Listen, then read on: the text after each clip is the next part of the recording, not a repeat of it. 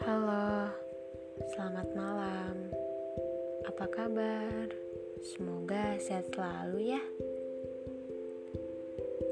Tujuan podcast ini saya buat adalah untuk menceritakan tentang sebuah perjalanan, entah dengan perasaan bahagia, sedih, atau campur aduk.